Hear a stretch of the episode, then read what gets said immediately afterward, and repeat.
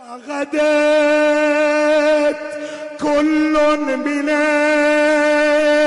الدهشة تاوي وتقوم ولها من كثرة لطم على الوجه كلوم وحقيق كاس في الشمس تبدو النجوم وتساءل. إنا لله وإنا إليه راجعون.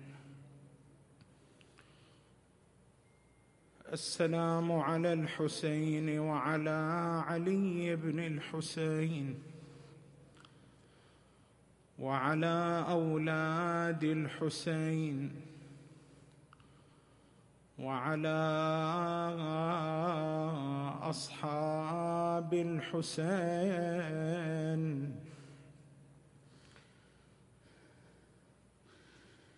مثل ابن فاطمة مثل ابن فاطمة.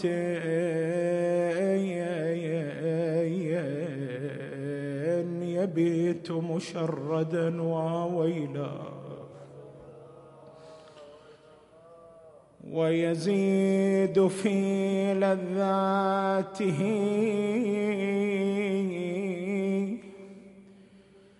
متنعمون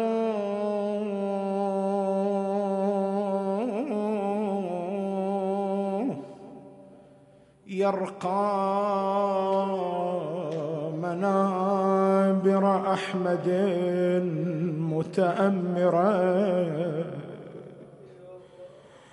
في المسلمين وليس ينكر مسلمون بس هذا يا سيد قال ويضيق الدنيا. ويضيق الدنيا على ابن محمد وويلا.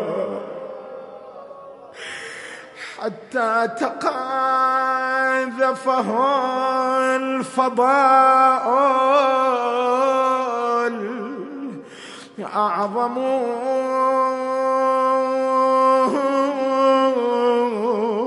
تتحمل أقولها خرج الحسين من المدينة.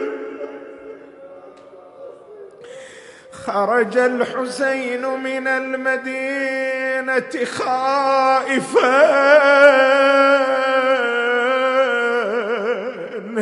كخروج موسى خائفا يتكتمون.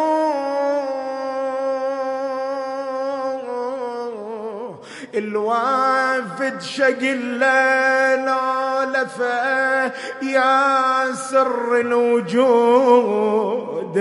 خذني يا أبويا وياك لو قل لي.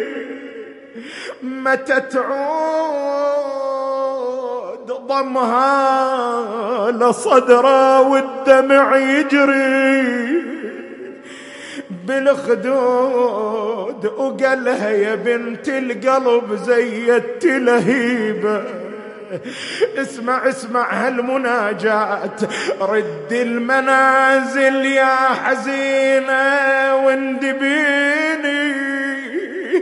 وقطع الرجا مني ولا تترقبيني. صاحت يا أبويا فرقوا بينك.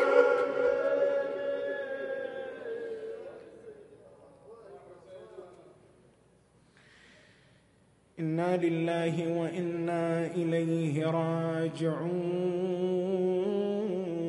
قال إمامنا الصادق عليه السلام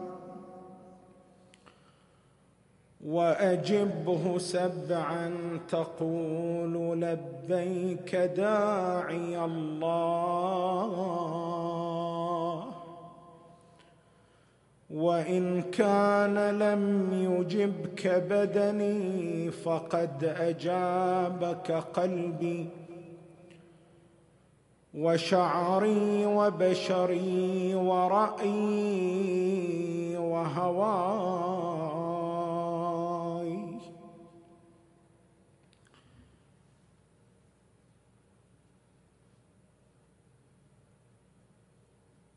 قبل إتمام البحث حول هذا الموضوع هنالك تنبيه يلزمنا أن نقف عنده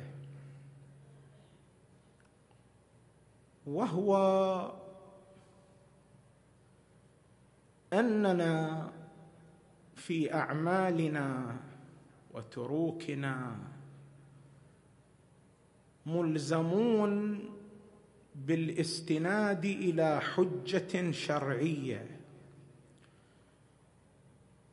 والحجة الشرعية التي نستند إليها نحن الشيعة هي عبارة عن فتاوى الفقهاء والمراجع المستنبطه من الكتاب الكريم والسنة المطهرة. ففتوى المرجع حجة معتبرة في حق غيره. وبما أن مراجعنا العظام أدام الله ظلالهم وبركتهم قد اتفقت كلمتهم جميعا على ضرورة التقيد بالإجراءات الاحترازية فتطبيق الإجراءات الاحترازية وظيفة شرعية يثاب عليها الإنسان. لذلك ينبغي علينا أن نتعامل مع هذه الإجراءات والتدابير الاحترازية معاملة الوظيفة الشرعية مثل ما أنت وظيفتك الصلاة والصيام أيضا وظيفتك التقيد بهذه الاحترازات.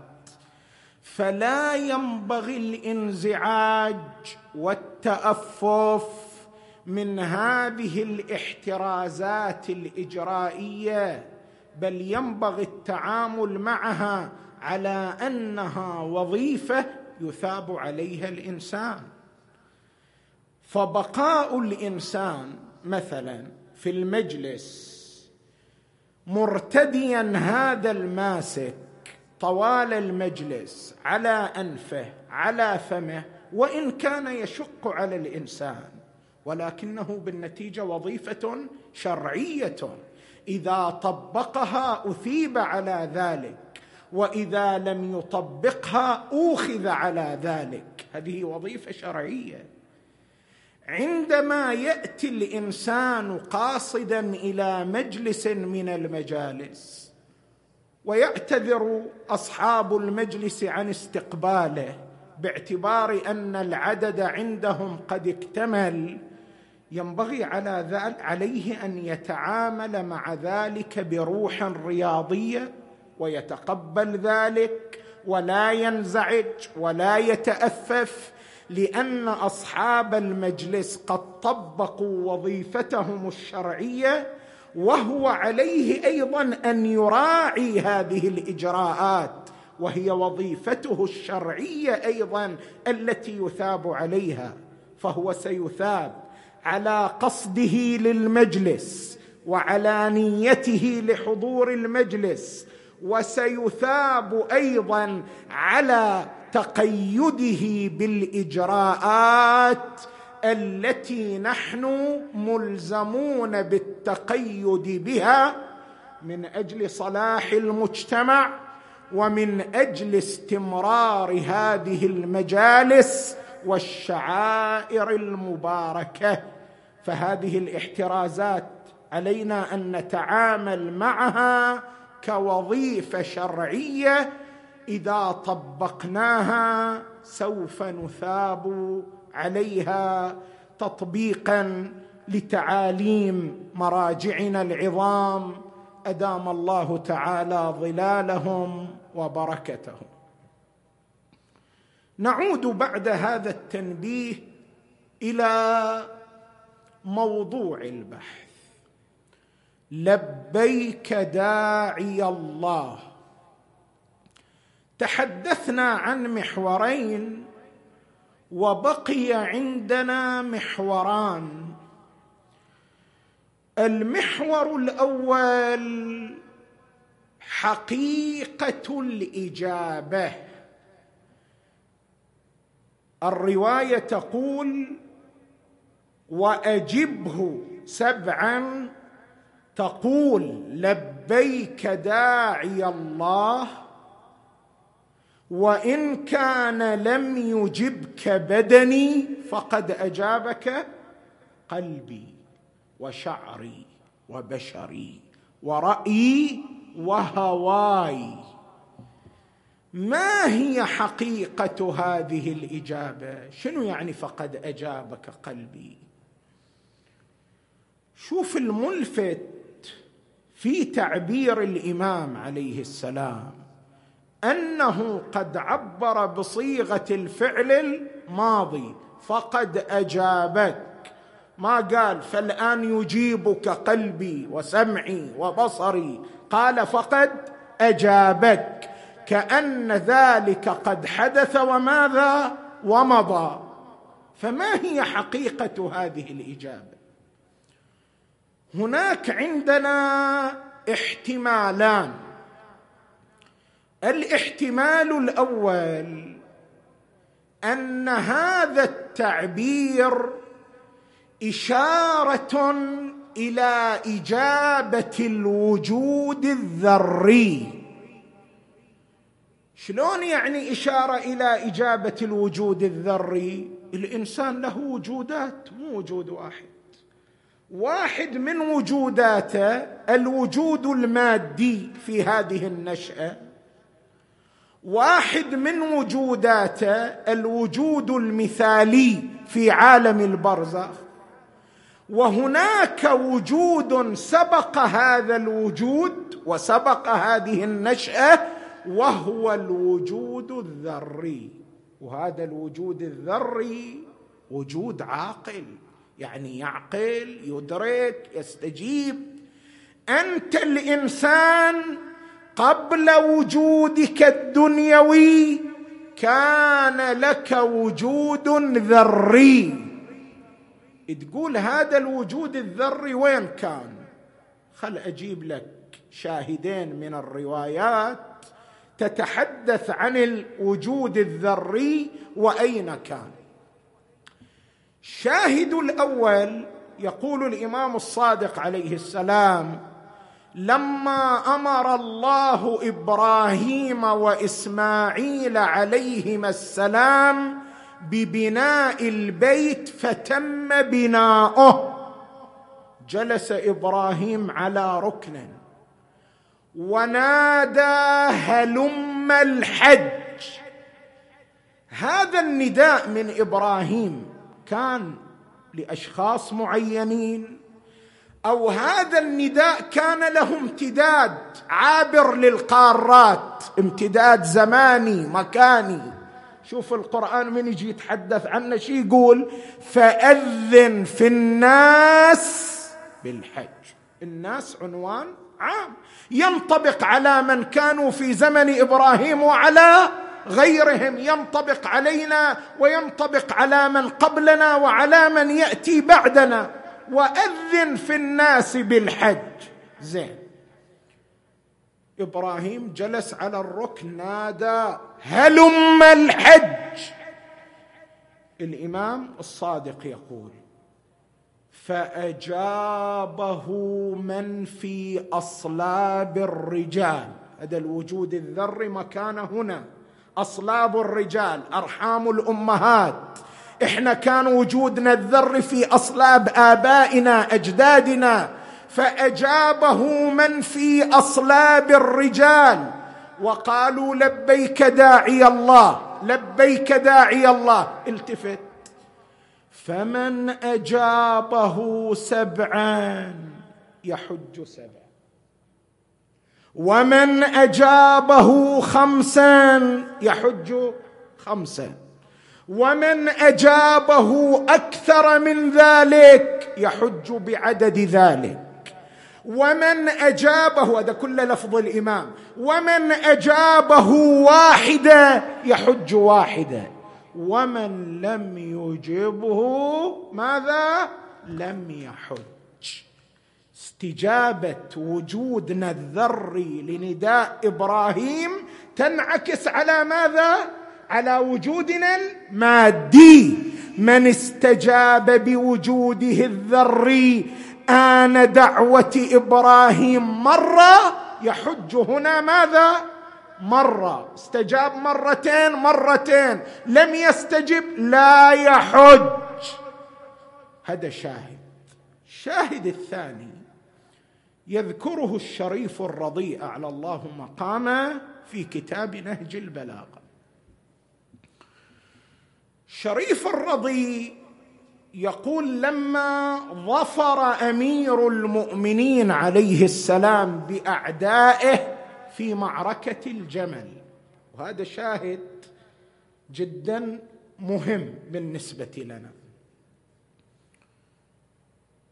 لما ظفر بأعدائه في معركة الجمل قال له أحد أصحابه وددت لو كان أخي قد شهد هذا المشهد ليرى ظفرك بأعدائك. دول أتباع أمير المؤمنين عليهم السلام كانوا يلاحظون الانتصارات العلوية ويمجدونها ويتابعونها ويتوقون إليها. يقول لوددت لو كان أخي معنا ليشهد مشهدنا ويرى نصرك على أعدائك. شنو قال لامير المؤمنين؟ قال أكان هوى أخيك معنا؟ يعني هذا كان يحبنا؟ أكان هوى أخيك معنا؟ قال بلى. قال فقد شهدنا.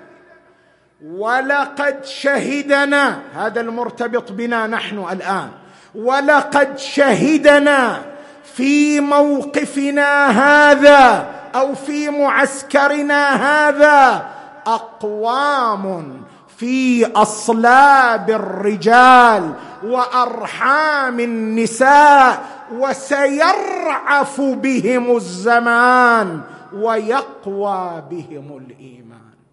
يعني معركة الجمل مو اللي شهدوها فقط من حضروها بل شهد معركة الجمل شيعة أهل البيت بوجودهم الذري في أصلاب الرجال وهؤلاء الذين شهدوا المعركة سيرعف بهم الزمان يوما ولا بد أن يوجدوا في هذا العالم وسيقوى بهم الإيمان. انعكاس من هذا من ذاك العالم على على هذا العالم. اذا أكو كان لنا وجود ذري. هذا الوجود الذري يعقل يدرك يستجيب. الإمام عليه السلام عندما قال وإن لم يجبك بدني صحيح هذا البدن المادي ما كان موجود. فقد أجابك ماذا؟ قلبي اللي هو مركز الحياة. وسمعي وبصري. شوف الإمام ما قال أذني ولا قال عيني. باعتبار الأذن والعين تعبران عن الآلات المادية. وإنما قال سمعي. قوة السمع قوة مجردة ما لها علاقة بهذا البدن. وإنما الأذن آلة لها. قوة البصر قوة مجردة. ليست لها علاقة بهذا البدن. وإنما العين آلة لها. الإمام قال أجابك قلبي سمعي بصري. هذا كل الوجود الذري. آن دعوة الحسين. هذا الوجود الذري. استجاب للحسين. وقال لبيك الله وهذا ينعكس على الاستجابة في هذا العالم. حضور في هذه المآتم دفاع عن الشعائر ال- ال- ال- الاهتمام بإقامة الشعائر. هذا كله منعكس عن استجابة الوجود الذري في ذلك العالم. آن دعوة الحسين صلوات الله وسلامه عليه. هذا رأي.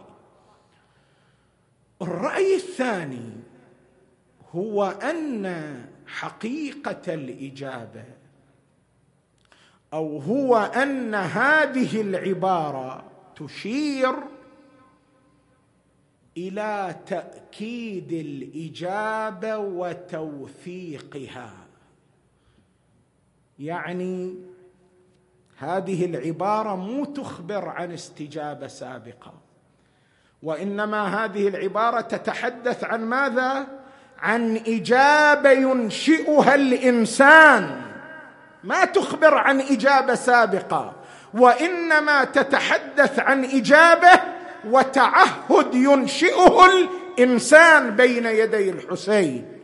وإن كان لم يجبك بدني فقد أجابك ماذا؟ قلبي انشاء للاستجابة.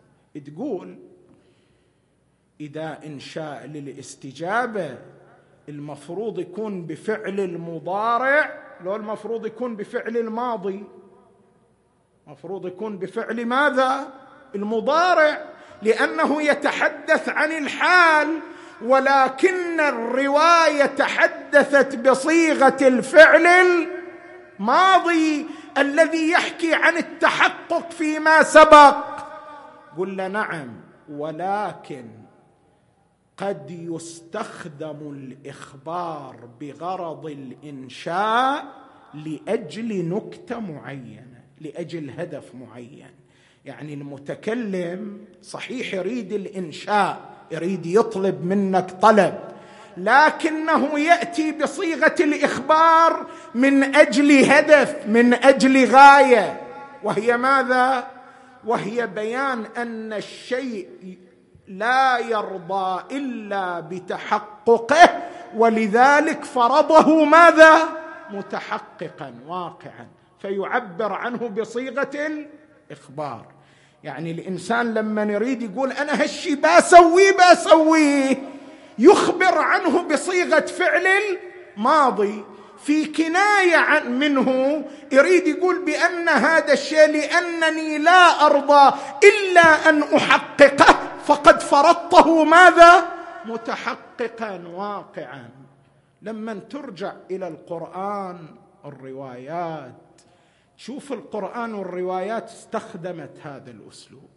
أسلوب الإخبار بهدف الإنشاء. مثلا تقرأ في القرآن الكريم قوله تبارك وتعالى وأمرهم شورى بينهم. هذا إخبار لو انشاء إخبار يخبر. وأمرهم شورى بينهم. لكن هذا الإخبار يراد به ماذا؟ الإنشاء يعني تشاوروا.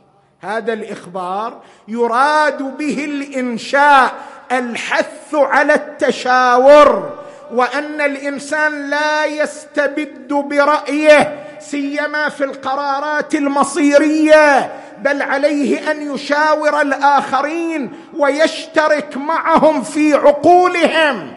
مسألة المشورة التشاور أمر راجح مستحب. وهذا المستحب لأن أمر راجح القرآن من اجى يتحدث عنه ما قال تشاوروا. قال ماذا؟ وأمرهم شورى بينهم. فرض الأمر متحققا. لماذا؟ يريد أن يقول بأن هذا الشيء لا ارضى إلا بتحققه. أنت أيضا من الجيل الحسين. تأسس المعاهدة وياه. تريد تقول لابو علي هذه المعاهدة لا أرضى إلا أن أحققها. لذلك أنا اعتبرتها متحققة واقعة. لذلك أنا أعبر عنها بصيغة الفعل الماضي. إن كان لم يجبك بدني فقد أجابك قلبي وشعري. وبشري ورايي وهواي.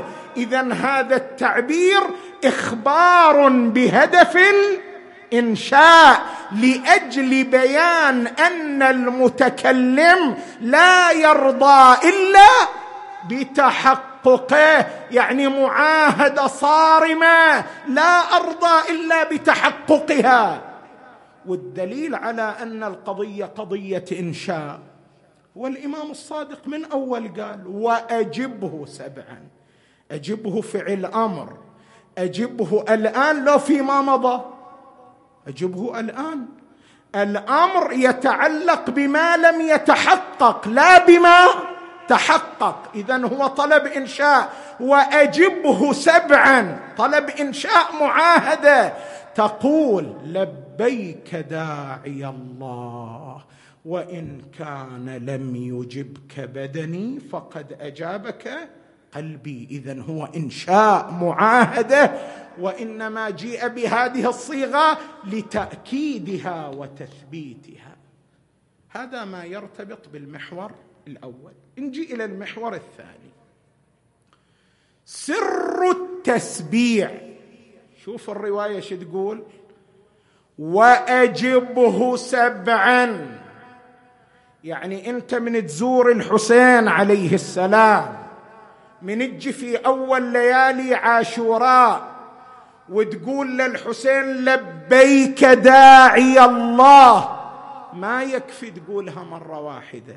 لابد أن تقولها ماذا؟ سبع مرات. لبيك داعي الله لبيك داعي الله ليش؟ ليش؟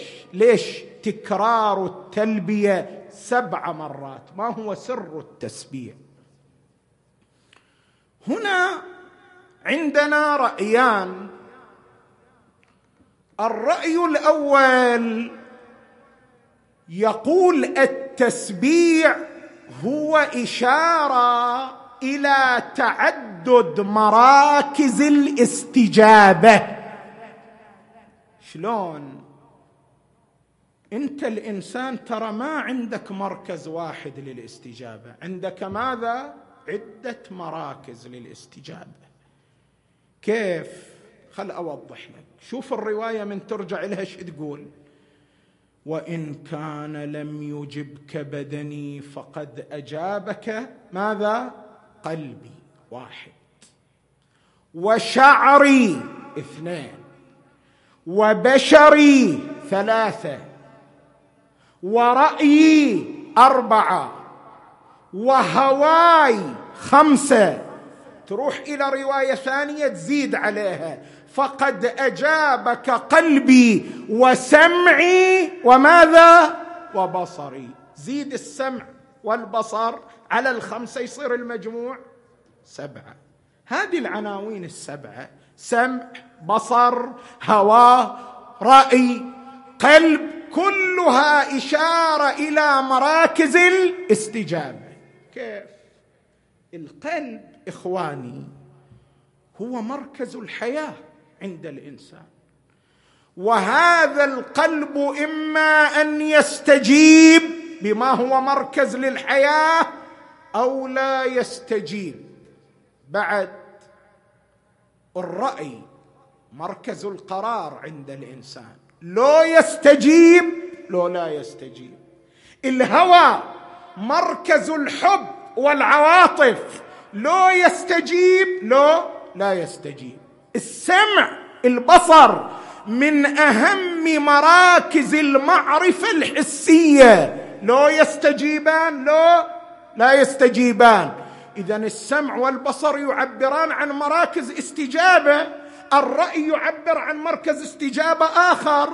الهوى يعبر عن مركز استجابة ثالث. القلب يعبر عن مركز استجابة رابع. زين أجي إلى شعري وبشري. شلون يعني استجابة الشعر؟ شلون استجابة البشر؟ البشر جمع بشرة. يعني هذا الجلد الظاهر. شلون استجابة البشرة؟ حتى تعرف شلون استجابة الشعر والبشره ارجع إلى القرآن. القران أكو آية تلمح إلى هذه الاستجابة. شنو هذه الآية؟ قرآن من يتحدث عن نفسه يقول تقشعر منه جلود الذين يخشون ربهم. ثم تلين جلودهم وقلوبهم إلى ذكر الله. قرآن يقول من خصوصياته أن القارئ للقرآن إذا قرأ القرآن قراءة تامة على ضوابطها تحصل عنده حالة قشعريرة. حالة القشعريرة معروفة عندنا.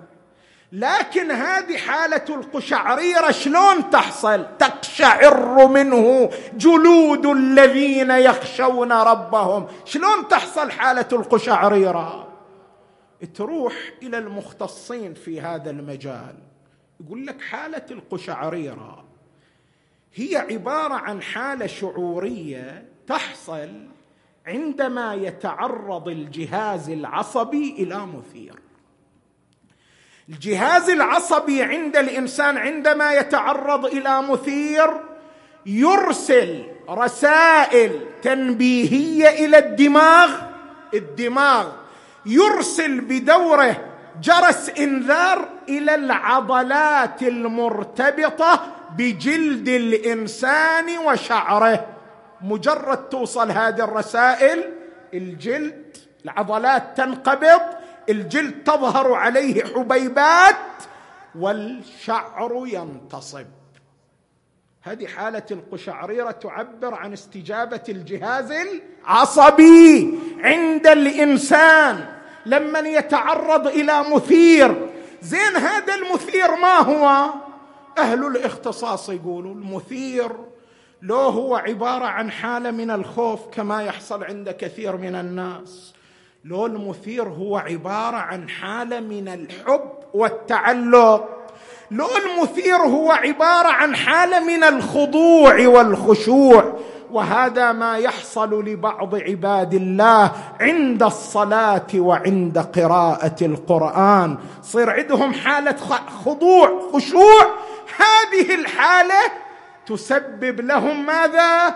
قشعرير في أجسادهم. مثير للجهاز العصبي. يعبر عن استجابة داخلية. اذا أنت من تقول للحسين عليه السلام وإن كان لم يجبك بدني فقد أجابك ماذا؟ قلبي. هذا مركز.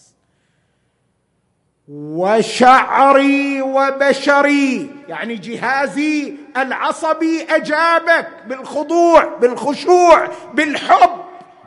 وسمعي وبصري ورأيي مركز قراري وهواي مركز حبي وعواطفي جميع مراكز الاستجابة في وجودي تقول لبيك أبا اذا ظاهري باطني كله استجابة لنداء الحسين صلوات الله وسلامه عليه. هذا راي الرأي الثاني وهو الرأي الذي يطرحه الفقيه الكبير الشيخ جعفر التستري قدس الله نفسه في كتابه الخصائص الحسينية. شيخ جعفر التستري فقيه مرجع كانت عنده رسالة عملية للمقلدين وكان خطيب حسيني. وعنده كتب تعبر عن معرفته بالحسين.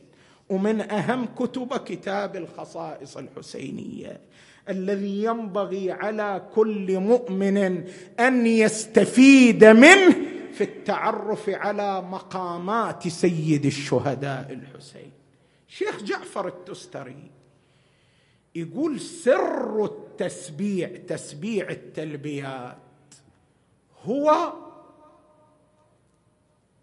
تعدد الاستجابات بتعدد الاستنصارات. يقول الحسين كانت عند استنصارات سبع. فالاستجابة لهذه الاستنصارات تكون ماذا؟ كم مرة؟ سبع مرات. حسين استنصر سبع مرات. فاستجابة هذه الاستنصارات تكون ماذا؟ سبع مرات. وين هذه الاستنصارات السبعة؟ الاستنصار الأول في مكة عندما خطب في المسلمين وقال ألا ومن كان فينا باذلا مهجته موطنا على لقاء الله نفسه؟ فليرحل معنا فإني راحل مصبحا إن شاء الله تعالى. استنصار الأول. استنصار الثاني عند خروجه من مكة. لما خرج من مكة أو عند الخروج من مكة أقبل له العبادلة الأربعة عبد الله بن جعفر عبد الله بن الزبير عبد الله بن عباس عبد الله بن عمر وحاول كل منهم أن يثني الحسين عن قراره. وطبعا كل واحد كان إلى هدف. الحسين التفت إلى عبد الله بن عمر وقال يا أبا عبد الرحمن اتق الله وعليك بنصرتي. هذا استنصار الثاني. استنصار الثالث في طريقه من مكة إلى كربلاء. كان كلما التقى بأحد في الطريق استنصر به. ومن ذلك استنصاره بعبد الله بن الحر الجعفي لما انبعث إلى الحسين وقدم فرسه للحسين. قال هذا فرسي ما ركبت عليه في طلب شيء إلا ونلته وما فررت من أحد إلا وخلصت منه أقدمه إليك أنا اعذرني. وهذا كان من المواقف المؤلمة لسيد الشهداء. فقال له لا حاجة لي فيك ولا في فرسك وما كنت متخذ المضلين عضدا. الاستنصار الرابع استنصاره برسالته التي كتبها إلى أشراف أهل البصرة يدعوهم إلى نصرته. استنصار الخامس استنصاره برسالته التي كتبها إلى أشراف الكوفة ومنهم سليمان ابن صرد الخزاعي يدعوهم إلى نصرته. الاستنصار السادس لما أقبل جيش ابن سعد إلى كربلاء. الإمام الحسين اجتمع مع ابن سعد باعتباره قائد الجيش. وقال له يا ابن سعد ذر هؤلاء القوم يعني بني أمية وعليك بنصرتي. قال له أخشى أن تهدم علي داري. قال أنا ابنيها لك قال أخشى أن تؤخذ مني ضيعتي. قال أنا أشتري لك ضيعة أخرى. قال أخشى على عيالي وأولادي. فسكت عنه الحسين. وقال ذبحك الله على فراشك عاجلا ووالله لا تأكل من بر العراق إلا قليلا. فقال ابن سعد مستهزئا قليل من الشعير خير لي من البر. استنصار الساد السابع لما حوصر الحسين من جميع الجهات وأطبق الجيش على ابن رسول الله. وسلوا سيوفهم وجهزوا عدتهم وعتادهم. حينها نادى الحسين امام الناصر يرسل. لبيك أبا عبد الله.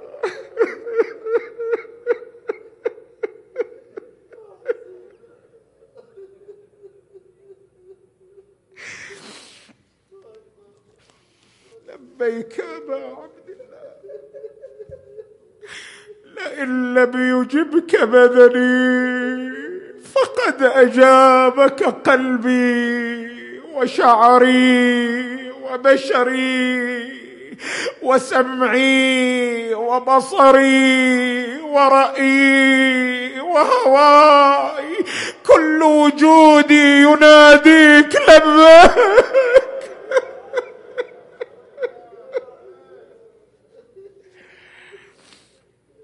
اذا استنصارات الحسين سبعة والإجابة لها لا بد أن تكون سبع مرات.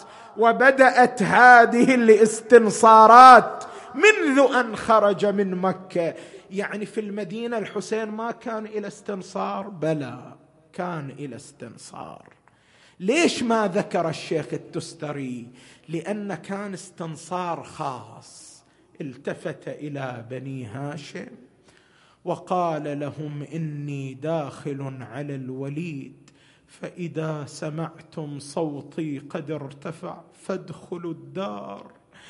دخل الحسين إلى الوليد وإذا الوليد يأمره ببيعة يزيد بن معاوية التفت إليه الحسين قال نحن أهل بيت النبوة وموضع الرسالة ومختلف الملائكة ويزيد رجل شارب للخمور قاتل للنفس المحترمة ومثلي لا يبايع مثله. ارتفع صوت الحسين تقول الرواية وإذا بفرسان بني هاشم قد دخلوا إلى دار الوليد يتقدمهم مولانا أبو الفضل العباس. شهروا سيوفهم بين يدي الحسين وأخرجوا سيدهم وإمامهم معززا مكرما بين يدي يزيد بين من بين يدي الوليد. هذا الموقف يوقف عند ملا عطية والحسرة تملأ قلبه يقول مدري غابت هالعشيره وين عن زين العباد.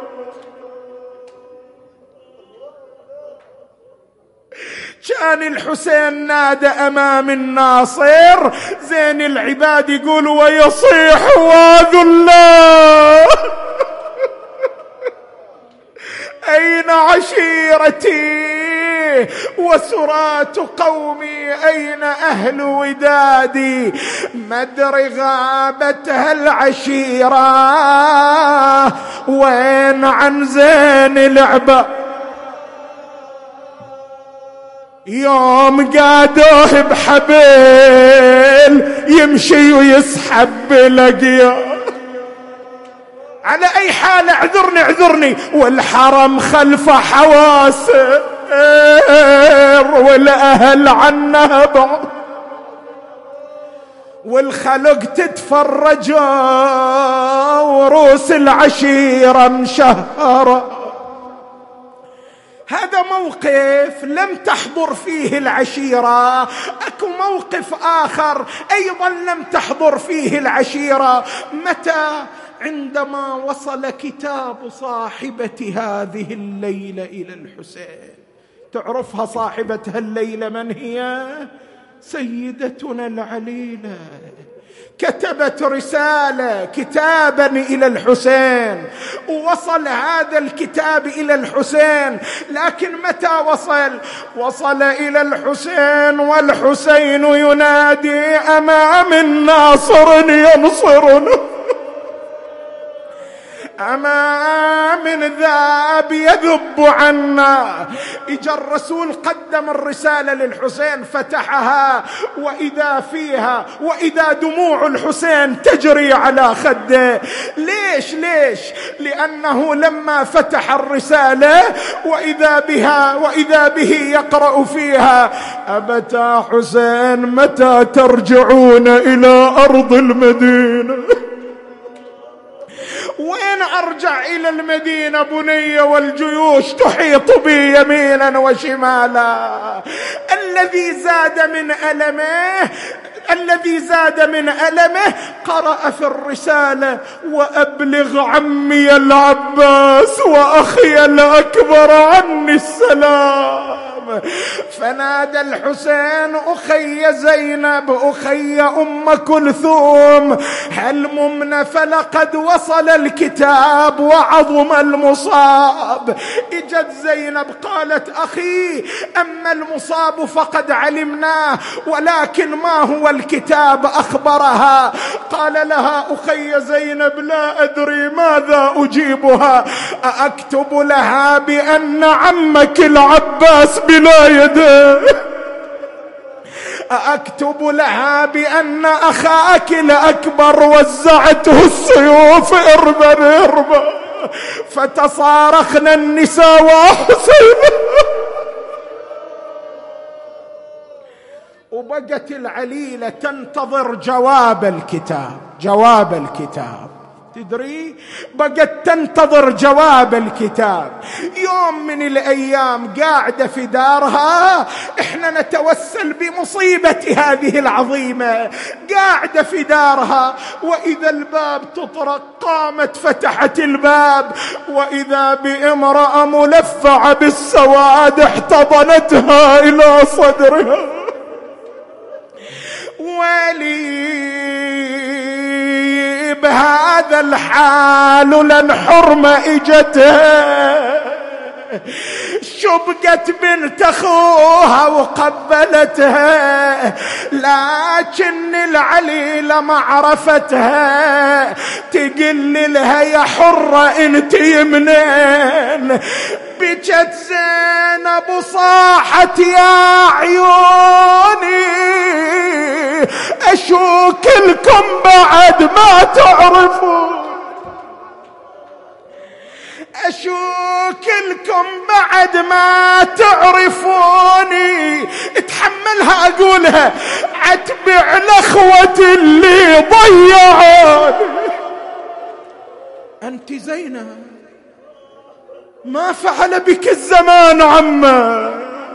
شاب رأسك تقدم عمرك التفتت إليها قالت إجاني الخبر بحسين مذبوح. إجاني الخبر بحسين مذبوح وجسمه على التربان مطروح. لنوحا وقضي العمر بالنوح ولا عمية عيوني وتلفت الروح ويلي ولا عمية عيوني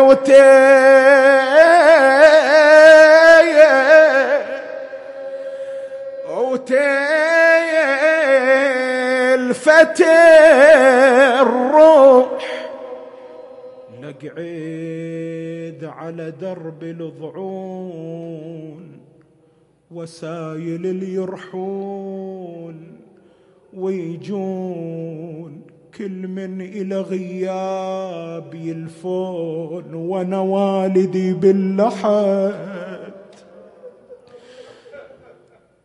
بالحسين الوجيه وجده وأبيه اكشف هذه الغمة عن هذه الأمة.